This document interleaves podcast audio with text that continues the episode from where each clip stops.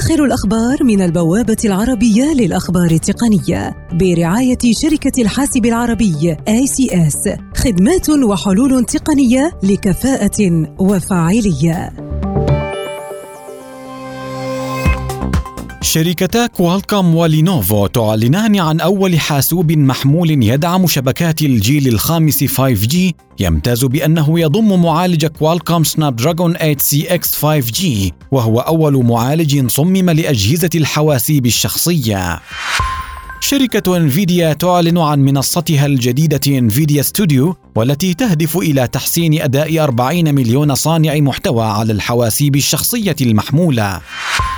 شركة AMD تعلن عن معالج Ryzen 9 3900X يمتاز بأنه يضم 12 نواة وسيباع بسعر لا يتجاوز 500 دولار أمريكي ما سيزيد الضغط على منافساتها من حيث السعر والأداء. شركة HP تكشف عن Sure Sense القائم على الذكاء الاصطناعي من HP كأحد حلول الحماية من البرامج الضارة والذي يعمل على زيادة ريادة HP كمزود لأجهزة الحاسب الشخصية الأكثر أمانا والأكثر قابلية للإدارة في العالم. مؤسس شركة هواوي ورئيسها التنفيذي يقول إن انتقام بكين من شركة Apple أمر غير محتمل مؤكدا معارضته لأي تحرك انتقامي من الصين ضد الشركة الأمريكية.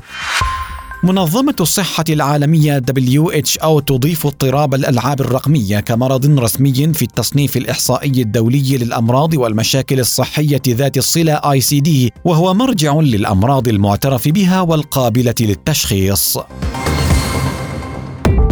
آخر الأخبار من البوابة العربية للأخبار التقنية برعاية شركة الحاسب العربي ICS خدمات وحلول تقنية لكفاءة وفاعلية. لمزيد من تفاصيل هذه الأخبار وأخبار عديدة يمكنكم زيارة موقع البوابة على شبكة الإنترنت aitnews.com